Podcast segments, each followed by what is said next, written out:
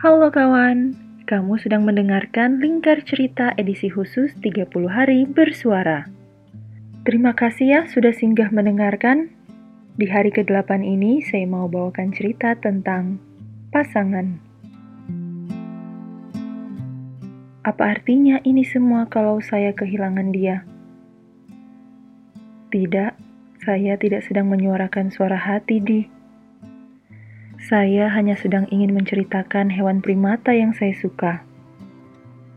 Namanya Tarsius, primata terkecil endemik Indonesia yang pernah saya jumpai di salah satu kebun binatang di daerah Sulawesi Utara. Tapi sayang, sekarang dia terancam punah karena kehilangan habitat dan juga banyak diburu untuk peliharaan. Tarsius punya mata yang besar di bahkan lebih besar dari ukuran otaknya.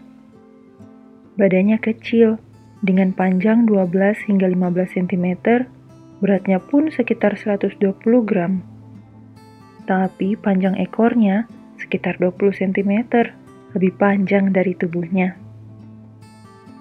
Tarsius ini adalah hewan nokturnal di atau yang aktif di malam hari. Jadi siangnya dia istirahat aja.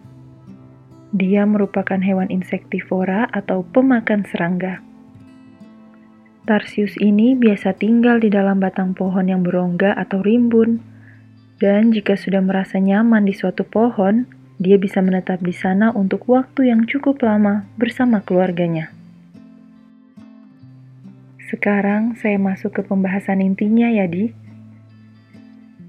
Tarsius itu hewan setia yang hanya memiliki satu pasangan seumur hidup atau monogami.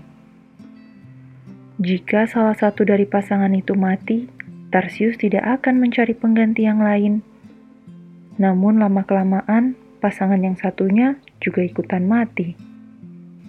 Jadi kalau yang satu diambil atau dijual, sama saja orang itu membunuh dua Tarsius.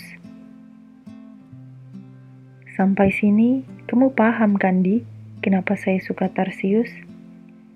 Sampai-sampai dulu saya pernah ngasih sepasang boneka Tarsius ke kamu.